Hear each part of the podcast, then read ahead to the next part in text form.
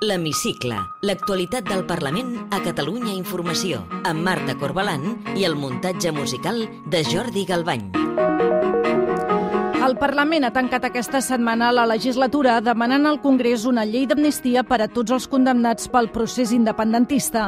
Junts per Catalunya, Esquerra i la CUP han presentat una proposta de resolució per pressionar el govern de Pedro Sánchez. Els comuns s'hi han abstingut. La setmana que ve es dissoldrà el Parlament i quedaran convocades les eleccions, en principi per al 14 de febrer. La dotzena legislatura ha acabat amb una trentena de lleis aprovades i el tercer president de la Generalitat inhabilitat. Benvinguts a l'Hemicicle.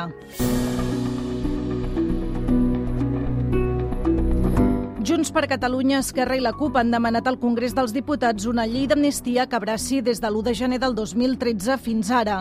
Tot i això, els independentistes no hi confien gaire. Sentim Josep Costa de Junts, el republicà Ferran Civit i la diputada de la CUP, Natàlia Sánchez. Les amnisties són efectives quan hi ha un canvi polític. Un canvi polític que deixa enrere la resposta repressiva, però aquí no es percep cap canvi polític. Ni el canvi de govern ni l'intercanvi de ministres no sembla que hagi canviat res. Empatia, amnistia i política. Res més. Res més i tan revolucionari com això. Si no hi ha empatia, no hi ha humanitat. Si no hi ha humanitat, no hi ha política. Té importància que culminem aquesta legislatura parlant i exigint l'amnistia, perquè és un marc polític antirepressiu que posa les condicions per fer una cosa molt senzilla, que és fer política independentista en llibertat. Els comuns volien afegir a la proposta dels grups independentistes les altres dues vies que ells defensen, la reforma del delicte de sedició i els indults. Però finalment no hi ha hagut acord. Per això els comuns s'han abstingut, com ha argumentat el diputat Lucas Ferro. També donem suport a la proposta d'amnistia, però ens abstenim avui en la seva proposta simplement perquè no compartim que les propostes antirepressives competeixin entre elles. Hem de ser capaces de fer-les treballar per sumar i per arribar a acords. Tot i la petició del Parlament, l'aprovació d'una llei d'amnistia al Congrés és força inviable perquè el PSOE s'hi oposa juntament amb Ciutadans i el PP. Asseguren que no està prevista la Constitució. Sentim el socialista Ferran Pedret, Nacho Martín Blanco de Ciutadans i Alejandro Fernández del Partit Popular. Podem com deia al principi, tots plegats convocar-nos al diàleg, a la reconciliació i a la cerca de solucions polítiques i d'amplis consensos. Però el que no poden demanar aquesta meitat de la ciutadania catalana és l'oblit. Espero que entre tots siguem capaços de generar un ambient, un clima molt menys hostil, un clima molt més de concòrdia, un clima d'altesa de mires per superar les dificultats que tenim entre tots plegats. Es evidente que si en España hubiera represión y presos políticos, hubiéramos sido fulminantemente expulsados de la Unión Europea. Al Parlament s'ha fet aquest dimecres l'última sessió de control al govern de la legislatura abans que la setmana que ve es dissolgui la cambra i quedin convocades les eleccions. El govern ha fet un balanç positiu de la feina feta, mentre que l'oposició lamenta que no s'hagi fet autocrítica.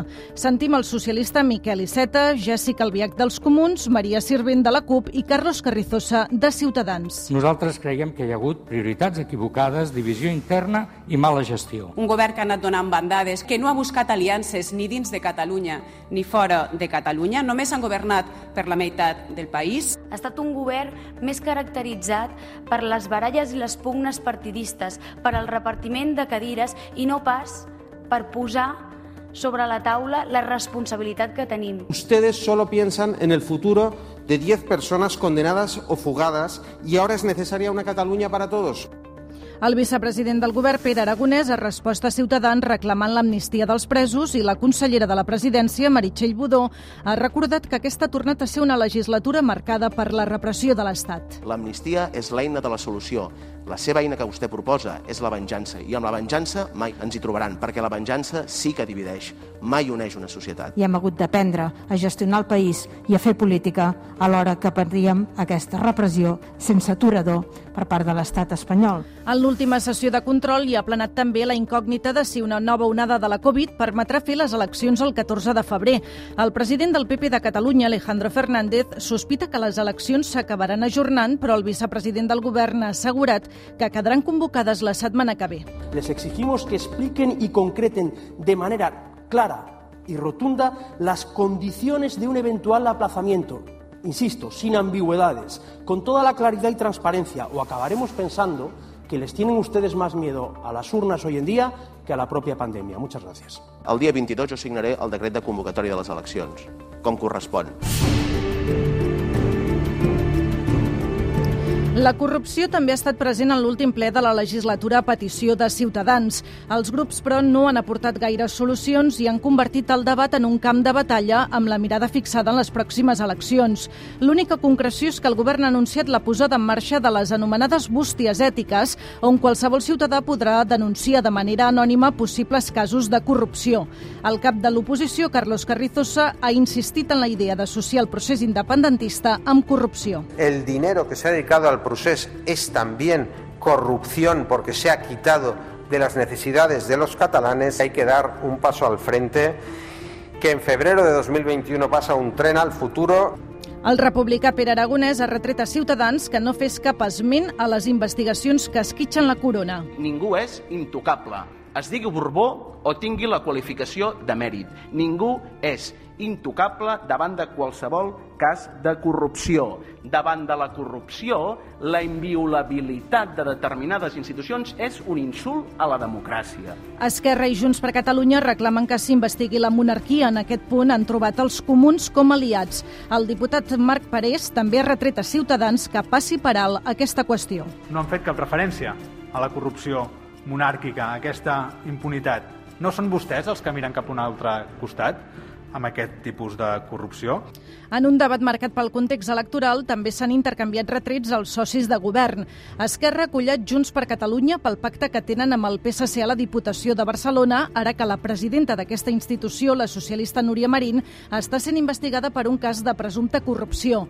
La republicana Marta Vilalta ha estat contundent. Aquest pacte és un pacte de la vergonya perquè hi havia alternativa. I ara encara és més vergonyós perquè el que fa és falcar una presidenta de la Diputació socialista amb ombres de corrupció. Junts per Catalunya ha llançat un dart a Esquerra pels casos d'assetjament sexual i laboral al Departament d'Acció Exterior quan Alfred Bosch hi estava al capdavant. És una de les propostes que han presentat com a conclusions del debat.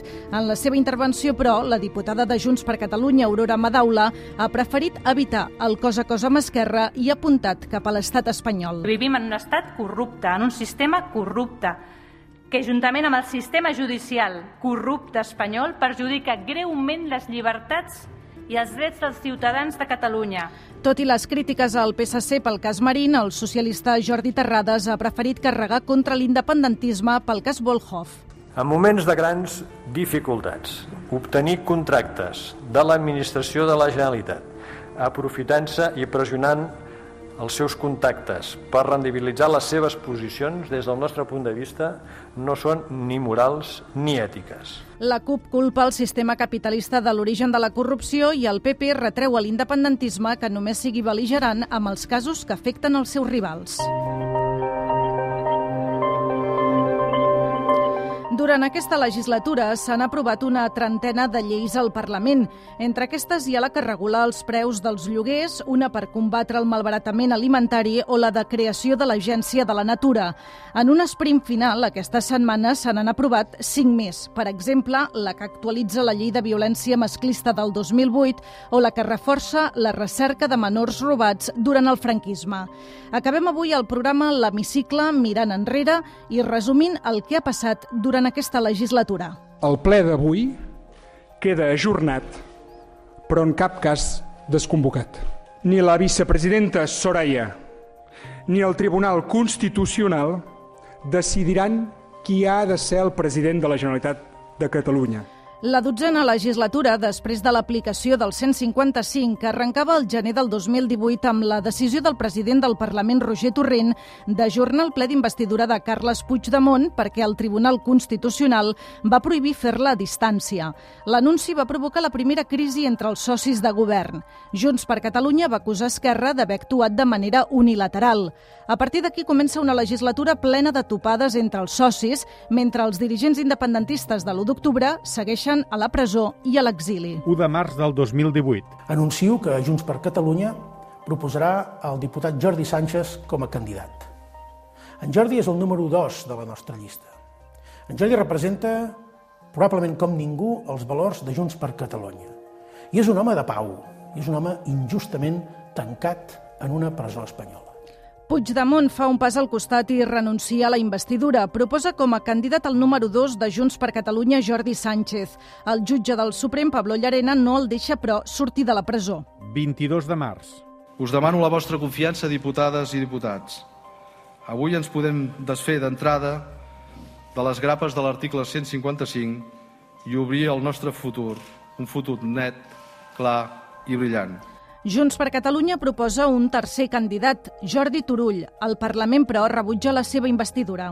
El candidat ha de sotmetre's a un segon debat i a una segona votació, a la qual serà suficient la majoria simple. La sessió es reprendrà el dia 24, dissabte dia 24, a les 10 del matí. S'aixeca la sessió. La CUP s'absté i Turull no aconsegueix la majoria absoluta en la primera volta. La segona votació ja no es pot fer perquè l'exconseller ingressa a la presó l'endemà mateix de la primera investidura fallida. 14 de maig. Jo avui no hauria de ser aquí. Avui, aquí, ara, hauria de ser el president legítim de Catalunya, el molt honorable senyor Carles Puigdemont. Cinc mesos després de les eleccions, Catalunya ja té president de la Generalitat, el diputat de Junts per Catalunya, Quim Torra. És el primer pas per començar-se a aixecar el 155. 14 d'octubre del 2019. Es fa pública la sentència del procés. El Tribunal Suprem condemna a penes d'entre 9 i 13 anys de presó als líders independentistes que van organitzar el referèndum de l'1 d'octubre del 2017. Si per posar les urnes per a l'autodeterminació ens condemnen a 100 anys, la resposta és clara. S'hauran de tornar a posar urnes per a l'autodeterminació. Com a resposta a la sentència, el president Torra defensa tornar a exercir el dret d'autodeterminació aquesta legislatura, una proposta que no troba la complicitat ni tan sols dels seus socis d'Esquerra. 27 de gener del 2020. Avui no podem comptabilitzar el seu vot. Al contrari, suposaria la paràlisi del Parlament perquè posaria en risc la seguretat jurídica, la validesa i l'eficàcia de totes les decisions adoptades al ple. Confio que aquest Parlament, i apelo a tots els diputats i diputades, reverteixi aquesta irregularitat de manera immediata. Si no és així, posaran en risc la continuïtat de les institucions. El secretari general del Parlament retira l'escó de diputat a Torra, tal com ordena la Junta Electoral Central després que el Tribunal Superior de Justícia de Catalunya ha condemnat el president per desobediència un any i mig d'inhabilitació per no haver retirat la pancarta de suport als presos i als exiliats del balcó del Palau de la Generalitat. El president del Parlament ho comunica a Torra a l'inici del ple. Això provoca una nova esquerda entre els socis de govern. 29 de gener. Aquesta legislatura ja no té més recorregut polític. Cap govern no pot funcionar sense unitat, sense una estratègia comuna i compartida en qüestions fonamentals i sense lleialtat entre els seus socis. Torra dona per liquidada la legislatura a causa del deteriorament de la confiança mútua entre Junts per Catalunya i Esquerra. No revela, però, la data de les eleccions. Assegura que la comunicarà un cop s'hagin aprovat els pressupostos de la Generalitat. 24 d'abril. Bona tarda, reprenem la sessió i la reprenem amb el novè punt de l'ordre del dia, que és el debat i votació del dictamen de la Comissió d'Economia i Hisenda sobre el projecte de llei de pressupostos de la Generalitat de Catalunya per al 2020. El Parlament aprova finalment els pressupostos de la Generalitat amb el suport de Junts per Catalunya i Esquerra i l'abstenció dels comuns. Els comptes s'aproven en plena pandèmia de la Covid. 28 de setembre. Ni abandono, ni em resigno, ni accepto aquesta destitució. I serà Europa qui jutjarà ara l'estat espanyol. El Tribunal Suprem confirma la inhabilitació de Torra. És el tercer president de la Generalitat inhabilitat en 3 anys. Enmig de crits de president, Torra abandona el Palau de la Generalitat i el Parlament. 21 d'octubre. Aquesta presidència constata que no li ha estat possible proposar al ple de la cambra un candidat o candidata per ser investit president o presidenta de la Generalitat. Mitjançant El president del Parlament comunica al ple que no hi ha cap candidat a la investidura per rellevar Torra. Per tant, s'activa el compte enrere cap a unes noves eleccions que, si la pandèmia ho permet, seran el 14 de febrer. Després de la inhabilitació de Torra arriba una altra sentència, la que condemna un any i vuit mesos d'inhabilitació a la mesa del Parlament de l'1 d'octubre per un delicte de desobediència. Els actuals membres independentistes de la mesa, amb Torrent al capdavant, també estan en el punt de mira de la Fiscalia per haver permès votar resolucions sobre l'autodeterminació i de reprovació a la monarquia. Veurem si tot plegat acaba amb una nova querella. No hi ha més punts a votar, per tant, s'aixeca la sessió. Gràcies.